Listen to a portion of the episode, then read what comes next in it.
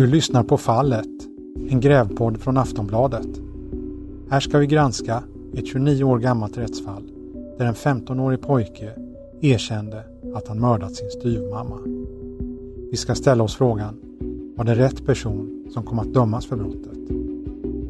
Jag heter Anders Johansson.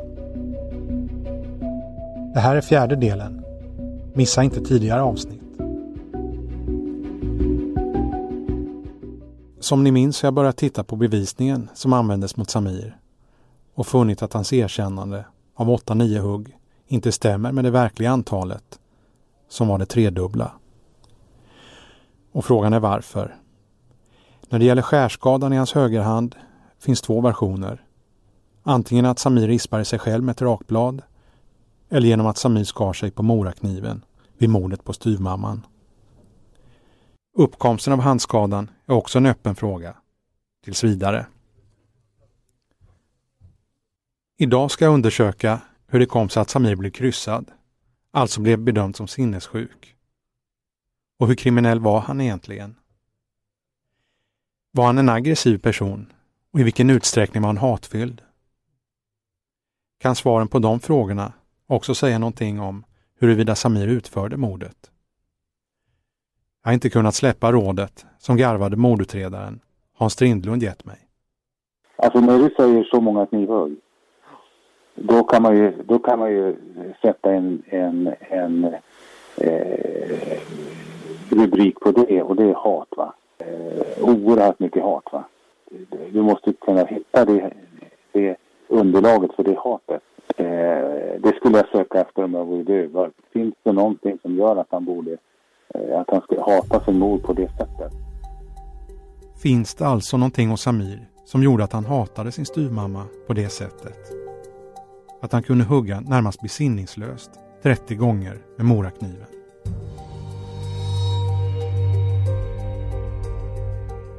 Men innan vi går vidare ska jag säga något om det tekniska spårmaterial som ska finnas kvar hos polisen. Som ni minns har jag begärt ut en lista på det som finns sparat. Men sekretessprövningen har dröjt. Och häromdagen fick jag veta varför. Min begäran har hamnat hos arkivet som sparar dokument. Men spårmaterialet finns i ett oåtkomligt rum i polishusets källare som kallas mordrummet och som tekniska roten förfogar över. Jag beger mig dit och träffar gruppchefen för forensiska analysteamet, Christer Widemalm, för att se om han kanske kan visa oss var materialet finns. Vi kommer till hans tjänsterum och han berättar att det finns material från nära 200 fall i källaren. Ja, hur, hur, hur nära får vi komma mordrummet? Där ni sitter nu. Där vi sitter nu och då är vi, då är, då är vi på våning... Eh, vad är vi? Det är på våning fem i, i A-huset. På Kungsholmen, ja. ja. Mm. Mm det är ytterst få kan jag säga som har sett det här spårrummet. Det är vi som har eh, gjort i ordning det här mordrummet och eh, eh, fixat till allting och eh, vi, vi är i det rummet och då är vi iklädda skyddskläder. Christer Widemalm vid Tekniska roten i Stockholm, som vi nyss hörde, säger alltså att det bara är en handfull betrodda vid Tekniska roten som kan komma in i rummet och då iförda skyddskläder. Orsaken är att spåren inte ska riskera att kontamineras och förlora i bevisvärde. Så för den som undrar kan jag härmed bekräfta att det inte görs några undantag för pressvisningar och liknande, vilket jag nog ändå tycker är betryggande. Vi nöjer oss med bilder som teknikerna själva tagit där inne. Samtidigt har jag nu lämnat till Christer Widemalm en ny begäran om att få listan på det som ska finnas kvar i Samirs fall Uppgifterna finns i kriminalteknikernas datasystem, men ska alltså sekretessprövas först. Tills vi vet mer om det ska jag söka vidare efter hatet, eller underlaget för det hat som kan ligga bakom mordet på styvmamman. Undersöka i vilken utsträckning Samir varit hatisk och aggressiv.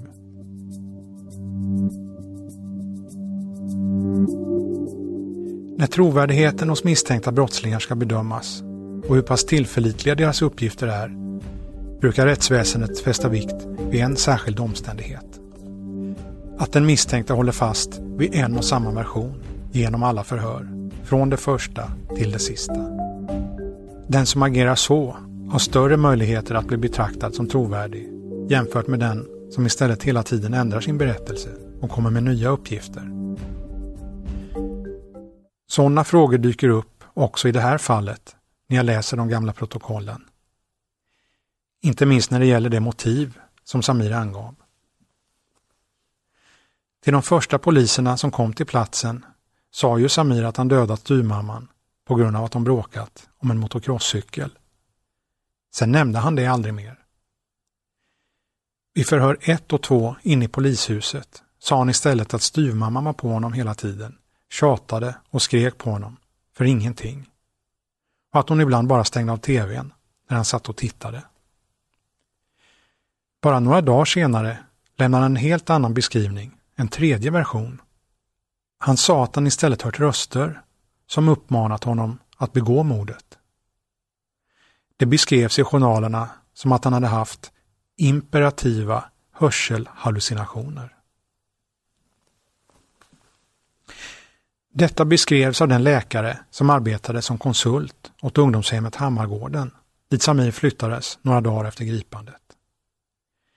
Läkaren där skrev då ett så kallat vårdintyg, vilket innebar att Samir bedömdes så sjuk att han skulle ges tvångsvård. Redan den 23 maj, alltså bara två dagar efter mordet, beslutade tingsrätten att Samir också skulle genomgå en rättspsykiatrisk undersökning som skulle klarlägga mer noggrant hur sjuk han var. Sådana genomgripande undersökningar brukade normalt sett bara beslutas om när domstolen anser att skuldfrågan är klarlagd. Beslutet indikerar alltså att tingsrätten i stort sett omedelbart, efter Samirs erkännande, också ansåg att han var skyldig och skulle komma att dömas. Frågan tycks närmast bara ha varit till vilken påföljd. Samir minns idag när han beskrev hur han hörde röster, men säger att han bara hittade på. Minns du vad du sa i förhören? Ja, men... lite grann. Jag kommer ihåg att jag jag sa att jag hade en djävul här och en ängel där. Och, eh, en på varje axel. En på varje axel. Och eh, där ena sa döda henne, den andra sa döda henne inte. Döda henne, döda henne inte. Och så sa den jäveln, ja men du ska döda henne, det var den som vann. Och så gjorde jag det. Och då, då dödade jag henne. Så jag sa att jag hade eh, röster och alltså vad skulle jag hitta på? Jag, jag, mm. jag, jag sa också att jag, eh, jag hade en motocross. Jag kommer ihåg att jag, att, att jag nämnde det här med motocrossen. Att eh, jag hade den i hemmet. Eh, att inte jag fick ha kvar den i hemmet. Och, eh, Sen vet jag inte om jag sa att jag dödade henne, det var därför jag dödade henne. Det vet jag inte exakt ordagrant. Men jag vet att jag nämnde om min cross. Eh, ja, mm. ja. För då börjar de ju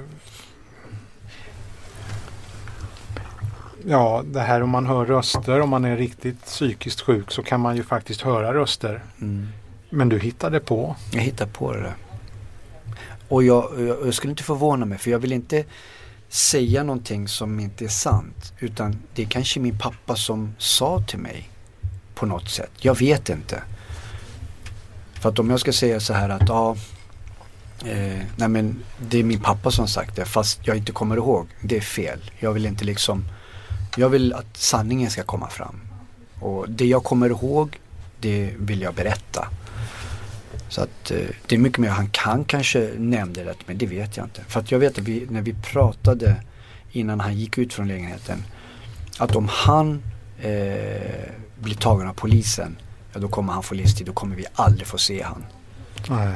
Och där tror jag att jag blev så oj jag måste göra allt. Jag måste göra allt.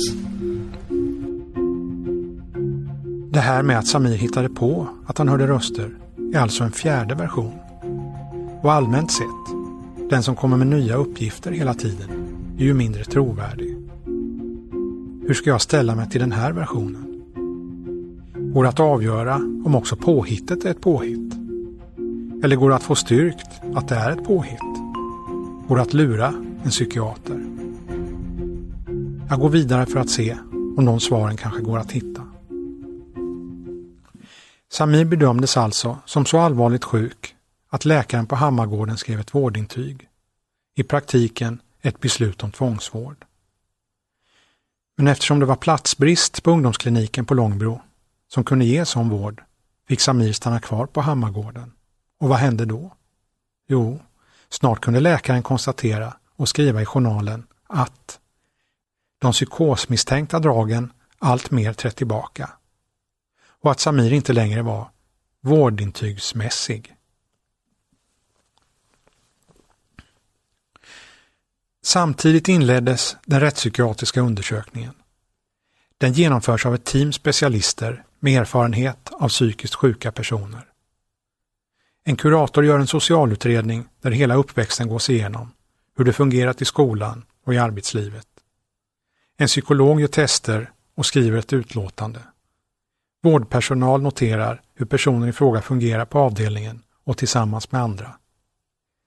Ansvarig för undersökningen är en läkare, en rättspsykiater, som också är den som skriver utlåtandet till domstolen och där en eventuell diagnos anges. Ett rättspsykiatriskt utlåtande är en guldgruva för den som vill ta reda på något om en person. Den brukar innehålla en grundlig redogörelse över en människas hela liv och alla problem som funnits, ibland redan från det personen låg i sin mammas mage. Förutom det rent medicinska, psykiatriska, kan det stå om tidigare kriminalitet, om personen är ovanligt intresserad av vapen eller att plåga djur. Det kan finnas noteringar om sexuella böjelser och fantasier av olika slag. Ofta är det uppgifter som är av så kallat klart integritetskänslig karaktär. Av det skälet brukar en RPU, som är rättsväsendets förkortning, till största delen var sekretessbelagd. Men i det här fallet har vi fått Samirs fullmakt att ta del av allt material, även RPUn. Kommer du ihåg hur det gick till, den där undersökningen? Ja, jag, var, jag kom till RPK, Rättspsykiatriska kliniken och eh, träffade en läkare. Eh, vad han hette kommer jag inte ihåg. Och eh, jag fick göra olika eh, tester och sånt där. Men jag vet inte om jag fick göra dem där eller om jag... Jo, det måste varit där. Eller om det var på Hammargård. Jag har inget sånt där exakt minne alltså. Det... Men jag vet att jag fick göra tester där man fick se en halv del av någonting och sen gör man, viker man ihop den dit så blir det avtryck på den andra papperssidan. Ja. Så att den är identisk med den där sidan. Och han bara, ja vad, vad tycker du den här liknar då? Ja, den liknar en fjäril. Så jag. och jag sa massa olika saker. Ja. Och eh, ja. Sen till slut så, så kom ju doktorn som var ansvarig för undersökningen fram till att du var psykiskt sjuk. Ja. Kommer du ihåg hur du tänkte när du fick veta det? Nej, ja, jag tänkte inte, tänkte inte på någonting. I vart fall så mm. du, du, eh, jag har ju läst den här rättspsykiatriska mm. undersökningen och där nämns det, precis som du berättar, att, mm. eh, att eh, du hade hört röster och, och, de hade befallt dig att göra det här. Mm. Och, och hade vid något tillfälle berättat att det luktade blod. Men sen i övrigt var det inte så där himla mycket. Ja, men det var ju sant ju. Med blodet. Det ja. ljög jag inte om. Samir säger alltså att det var sant att han tyckte att vattnet luktade blod. Det är med stort intresse jag sen börjar gå igenom RPUn. Finns det till exempel något svar på frågan om huruvida Samir närde ett hat mot styrmamman? Framgår det om någon annan hatade henne? Var Samir sinnessjuk på riktigt? Är han kanske mördaren trots allt? Normalt brukar en rättspsykiatrisk undersökning ta fyra veckor. Men domstolarna brukar vara generösa och bevilja förlängning om det behövs. Jag noterar att undersökningen av Samir tog dubbla tiden, åtta veckor. Vad fick de då fram på dessa två månader? Jo, det blev 52 sidor Och här finns, som jag misstänkte, en hel del intressant. Med tanke på att jag nu träffat Samir ganska många gånger kan jag se att flera saker som noterades då, när han var 15 år, tycks stämma idag, nästan 30 år senare. Först och främst noterar jag att undersökningsläkaren aldrig tycks ha tvivlat på Samirs skuld. Det är i och för sig inte läkarens uppgift att göra bevisvärderingar. Uppdraget är att utgå från det som finns i själva utredningen vid tillfället. Och där fanns, som vi vet, ett till synes oantastligt erkännande av ett bestialiskt knivmord. I det läget ska läkaren bara söka förklaringar till det hemska brottet och bedöma i vilken grad det kan förklaras med psykisk sjukdom. Och här hade läkaren, som heter Ants Andersson, en uppfattning om varför Samir begått mordet. Jag läser. Det kan vara oklart huruvida intensiteten i och mängden våld berott på hans rädsla att bli utsatt för motangrepp eller en explosiv affektutlevelse eller ett patologiskt sinnestillstånd, som till exempel psykotisk förvirring. Enligt sina egna uppgifter har Samir framförallt varit rädd att kvinnan skulle tillgripa ett för honom livsfarligt motvåld. Läkaren ansåg alltså att Samir huggit så mycket för att han var sinnessjuk eller för att han var rädd att hon skulle slå tillbaka. Det noterades också att Samir redan var känd för sitt kriminella beteende. Från 1984 till våren 86, då mordet alltså skedde, fanns det ett tjugotal anmälningar mot Samir. De gällde butiksstölder, fickstölder, tillgrepp av olika tvåhjuliga fordon och annan stöldbrottslighet som uppenbart varit bundet till ett gäng. Snart nog var relationen mellan styvmamman och Samir helt förstörd. Parallellt med att jag läser RPUn har jag kontakt med Mehmet, en av Samirs allra närmaste vänner på den tiden. Även om mycket redan är dokumenterat tänker jag att han kan bidra med en bild av Samir från just den här tiden, men från ett annat håll. Och han bekräftar att de höll på med brott. Ja, så är det ju. Det var ju den typen av eh, brottslighet eller kriminalitet vi eh, faktiskt i så fall sysslade med. Eh, ja, så är det. Därför det jag tänker är det, det i, i vilken utsträckning begick ni våldsbrott också? Aldrig. Hur, hamnade ni i bråk med andra eller hur? hur ja. Nej, nej. Nej, vi, vi sysslade inte med det. Eh, det fanns andra som gjorde. Bråkade, slogs och hade ett annat vrede. Ilska och... Nej, vi, vi var inte... Vi höll inte på med det, nej. Och Samir var den minst våldsbenägna personen i faktiskt eh, umgängeskretsen då på den tiden. Och har sen också så varit faktiskt fortsättningsvis. Eh, även om jag inte har träffat honom eh, så titt som tätt eh, på senare år så följer vi givetvis varandra genom bekantas bekanta och så vidare, gemensamma eh, liksom, eh, kompisar. Så vet jag hela vägen att Samir eh, Eh, var absolut inte på något sätt eh, aggressiv, impulsiv eller våldsam.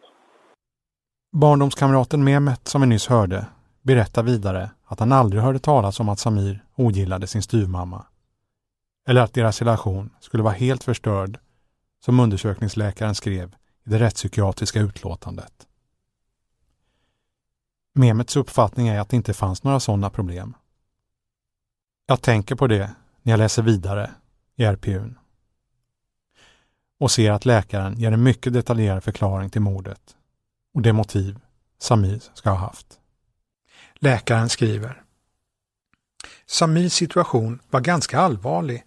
Relationen till styrmorden var nära nog outhärdlig. Ur hans perspektiv kunde hon både vara tokig och farlig. Förutom sina direkta skräck och ångestkänslor började han befara att han själv också skulle bli tokig. Till denna bild hör också att han nu var ganska låst och isolerad. Han ansåg sig inte kunna gå till sin biologiska moder. Ännu mindre vågade han tala med myndigheterna då han var rädd att en institutionsplacering skulle bli den direkta följden. Läkaren drog sedan slutsatsen att eftersom Samir helt bestämt ville bo kvar hos pappan greps han av den hemska tanken att han måste mörda styvmamman och att han därför köpte en morakniv. Läkaren skriver Idén att ta livet av styrmorden fick viss karaktär av tvångstanke. Ett av allt annat oberoende måste.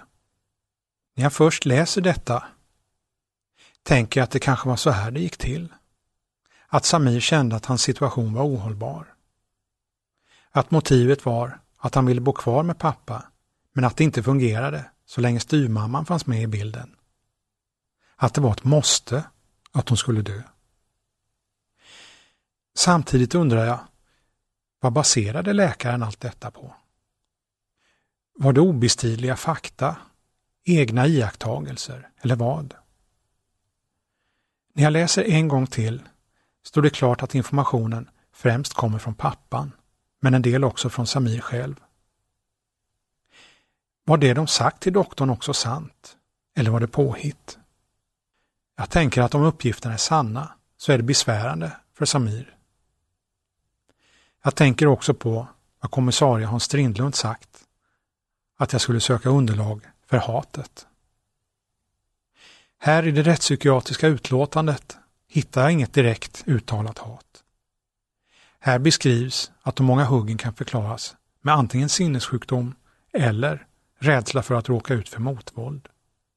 Kan det inte vara så lika väl? Att det inte fanns något hat med alls i bilden? Jag fäster mig också vid några andra saker som psykologen i undersökningsteamet kommit fram till i sin delundersökning. Att Samir är högt begåvad men har dåligt självförtroende och utan tillit till vuxna. Som utsatts för fysiskt och psykiskt våld samt idel Ruby Frankie was known by millions as a very tough mom. That's exactly the way she wanted it. The social media star amassed a huge following of supporters and detractors alike, preaching the values of strict discipline. But you'll learn in a new podcast available exclusively on Wondery Plus how the small empire built by this momfluencer crumbled the moment her 12 year old son escaped their home and called 911. Wondery and Law and Crime bring you the new podcast, The Rise and Fall of Ruby Frankie, which explores the allegations of starvation, torture, and emotional abuse leveled against Frankie and her business partner, Jody Hildebrandt. Learn about the family's path to stardom, the depravity investigators uncovered inside the home, and hear in depth analysis of the ongoing criminal trial. Listen to the rise and fall of Ruby Frankie exclusively and ad free on Wondery Plus. Join Wondery Plus in the Wondery app or on Apple Podcasts. Liga separationer. Psykologen skriver också Försvarsmekanismerna är huvudsakligen primitiva och aggressiva impulser projiceras huvudsakligen på kvinnor. Jag tänker, aggressiva impulser mot kvinnor. Kan det vara detta som är hatet som kriminalkommissarien sagt att jag skulle söka? Eller lyckades Samir lura både läkaren och alla de andra som skulle bedöma om han var farlig och sinnessjuk? För som vi hört barndomsvännen Mehmet berätta var Samir inte alls våldsam eller aggressiv, vilket också andra har sagt. Varför skiljer sig bilderna åt så mycket? Vilken är den riktiga? Jag ringer till psykiater Ulf Åsgård, expert på gärningsmannaprofiler och som under många år arbetar inom Rikskriminalen. Är det verkligen möjligt att bluffa sig till en kryssning som sinnessjuk? Nej, det gör det inte.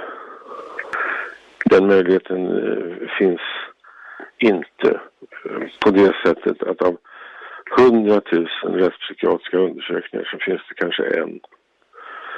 Eller på en miljon så finns det kanske en. Eh, ja, nej.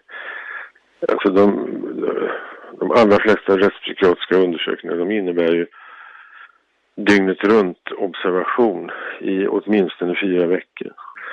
Och det finns ingen, det finns ingen som, som, eh, som, som kan spela upp ett register som gör att man blir osäker på om man är galen eller inte. Utan det kommer alltid... Den som försöker bluffa han avslöjas tidigt därför att han imiterar psykiska symptom som han inte har en aning om hur de egentligen yttrar sig. Menar, eh, deras motståndare, om man säger så, det, det är ju psykiatriska specialister med ja, eh, ett eller flera decenniers erfarenhet av att umgås med psykiskt sjuka. Så det är klart som fan att man kan skilja agnarna från vetet. Psykiater Ulf Åsgård, som vi nyss hörde, tror alltså att det är omöjligt att Samir lyckades bluffa sig till en stämpel som psykiskt sjuk. Åsgård menar att undersökningsläkaren gjorde en gardering. I det rättspsykiatriska utlåtandet bedömer läkaren precis nätt och jämnt att Samir var sjuk.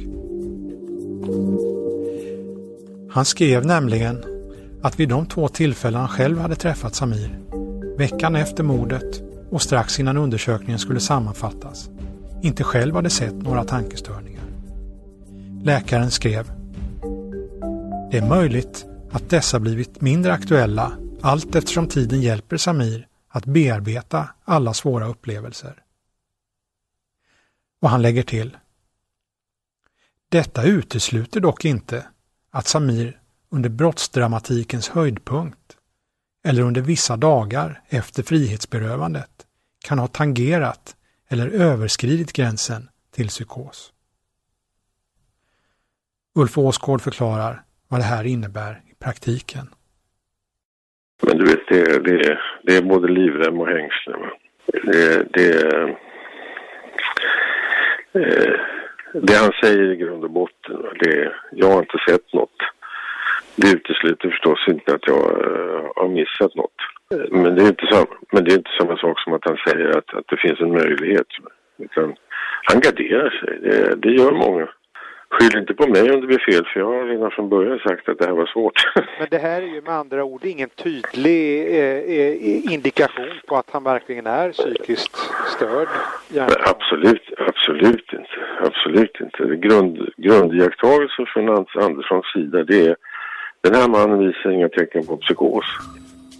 Undersökande doktorn kunde alltså inte se några tydliga tecken på psykisk sjukdom. Men han kunde inte utesluta att Samir varit psykotisk just omkring själva brottstillfället och sen frisknat till.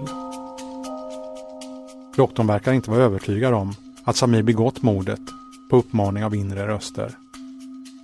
Däremot ansåg han att Samir var helt uppenbart i behov av hjälp och terapi. Så av allt att döma var det därför som läkaren kom fram till att Samir trots allt skulle kryssas. Då skulle han ju garanterat få stanna kvar inom vården. För en kryssning innebär nämligen samtidigt förbud mot fängelse. Som formell diagnos skrev läkaren borderline personlighet.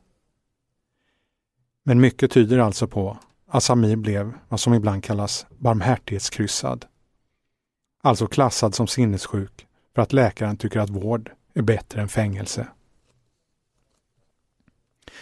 Det kan också vara förklaringen till att personalen vid Långbro sjukhus, där Samir senare skulle genomgå den slutna psykiatriska vården, inte heller kunde se några spår av psykisk sjukdom när han kom dit. Samir började få permissioner nästan direkt och började gå i skolan, någonting som han skötte helt prickfritt. På Långbro började personalen ställa sig frågande till diagnosen och började tvivla. Hur hade Samir kunnat begå detta fruktansvärda dåd med så mycket övervåld? Hans psykoterapeut, Yvonne Derans, minns Samir väl. Aggressiva impulser som projiceras främst mot kvinnor, som det sagts, såg hon inte alls någonting av. Hon upplevde aldrig Samir som aggressiv. Ja, det, det vet jag inte. Inte mot mig. Det måste jag, ja, det kan jag bara tala om. Tvärtom, alltså utan nej, han var lite, han var lite kontaktsökande sådär att, eh, vad ska jag säga, mammasökande om jag... Nej. Och det, det, har, det framgick aldrig i något samtal, för det är ju någonting man tittar på i ett sånt här ärende, om det finns med. Aggressivitet? Ja, självklart. Mm. Jag menar, det är ju en fruktansvärt aggressiv handling. Och det fanns inte heller. Så det, det och, och jag, jag var ganska erfaren på den tiden, så jag, jag tycker inte jag skulle ha missat något sånt. Psykoterapeut Yvonne Derans säger alltså att hon inte blev förvånad när Samir plötsligt en dag tog tillbaka sitt erkännande och sa att det var pappan som var gärningsmannen. Samir hade då varit på Långbro i ungefär ett år och det hade gått ett och ett halvt år sedan mordet. Åklagaren öppnade förundersökningen på nytt. Men efter ett halvårs utredande kom hon fram till beslutet att inget nytt kommit fram som pekade på någon annan gärningsman. Domen mot Samir stod fast. Vi har tidigare hört Samir berätta att han då blev besviken och arg. Att han upplevde att ingen trodde på honom. Två dagar efter att han blivit utskriven från Långbro åkte han omkring med en kompis i bil och sköt vilt med en pistol. Han åkte fast och dömdes till fem månaders fängelse. Men eftersom han suttit häktad lika länge kunde han kliva rakt ut i friheten när domen föll. Och nu blev Samir grovt kriminell. Han började missbruka droger. Jag tänker, visar inte Samir på ett hat genom den här handlingen? Han har ju också tidigare berättat att han känt ett hat mot sin biologiska mamma. En person som skjuter vilt omkring sig, är den inte också kapabel att mörda? Domen för skjutningen 1988 blev en ny vändpunkt för Samir. Han började begå allt grövre brott. De närmaste åren som följde åkte Samir ut och in på fängelset. Jag har tagit fram samtliga domar och läser ur högen. 2001 vållande till annans död, vållande till kroppsskada, brukande av falsk urkund, grov vårdslöshet i trafik, ett års fängelse. Vållande till annans död. Har Samir alltså dödat någon? Kan det vara så att han här har visat ett sådant hat att han orsakat en annan människas död? Det visar sig att han plågas av minnet. Vi sitter återigen mitt emot varandra. Jag ser att Samir drar efter andan. Det här är svårt för honom. Ögonen blir blanka. Tårar börjar trilla fram. Han börjar berätta om det när jag ställer frågan. Vad är det värsta du har gjort? Det värsta jag gjort? Oj. Det värsta jag gjort? Det är att jag har... Någon har dött. Det har jag på mitt samvete. Och... Eh, det, det var en händelse som... Eh, vi var på... Ja, men jag har ju varit drogad i stort sett dygnet runt. Och... Eh, vi var ute i stan. Vi gick ju från ställe till ställe. Och eh, träffade en, en, eh, en vän. Fredrik heter han, må han vila i frid. Han träffade han på en av de här diskoteken. Och det var ett tag sedan jag hade träffat han. Och eh, ja, vi skålade och vi drack ännu mer och drack. Och festade. Man gick ju från ena stället till andra stället.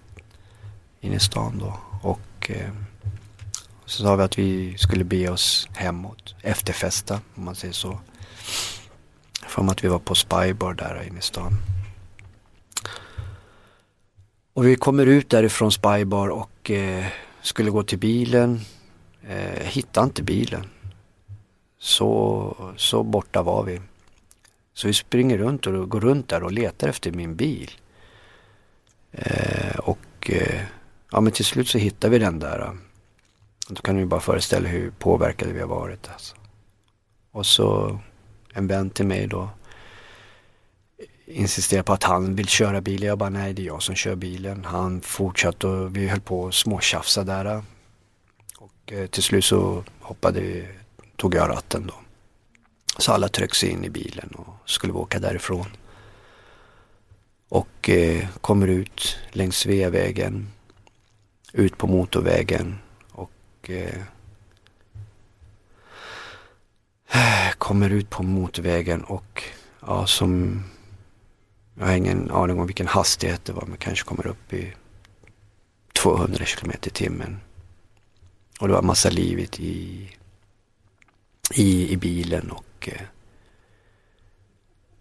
och, eh, och någonstans, de bygger ju där längs motorvägen innan Scandic Hotel. Så var, kommer jag ihåg att det var så här kurvigt. De gjorde vägarbete där.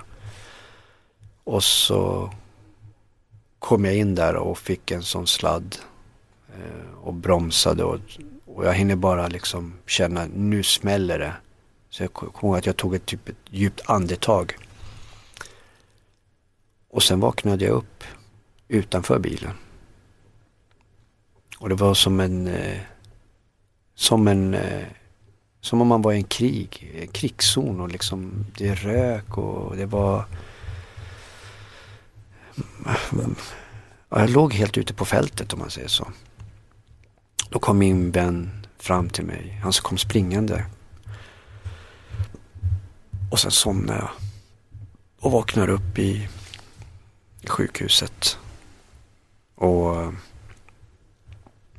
min mamma gråter ser jag. Och så är det någon som säger att, eh, att Fredrik är död. Och jag, jag känner bara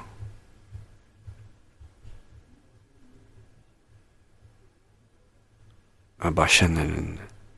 Jag vill bara försvinna. Jag ville bara försvinna och det... Jag vill minnas när min mamma säger till min fru har sagt att ska det liksom ta det så långt att någon av er ska dö. Så som ni kör ert liv där ute. Att, att ni ska vakna upp på något sätt. Men jag tittar på mig, jag har inga skråmor, ingenting. Jag bara tänkte, fan varför händer det inte mer med mig? När man, har varit, när man är i ett sånt här, äh, man har varit med om olika saker så känner man bara att man vill själv vara skadad. Jag hade ju bara skrap, skrapmärken på ansiktet. Jag hade ju tydligen flugit ut. Och jag, äh, ja, där ville jag bara dö. Men äh, jag gick in ännu mera i, i träsket.